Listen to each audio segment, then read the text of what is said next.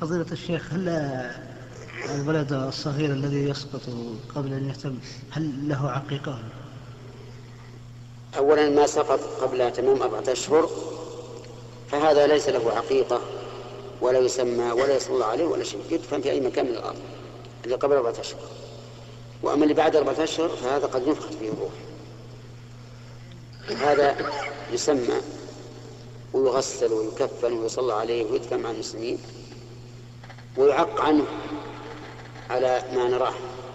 بعض العلماء يقول ما يعق عنه حتى يتم له سبعة أيام حيا لكن صحيح أنه يعق عنه لأنه سوف يبعد يوم القيامة ويكون شافعا لوالديه.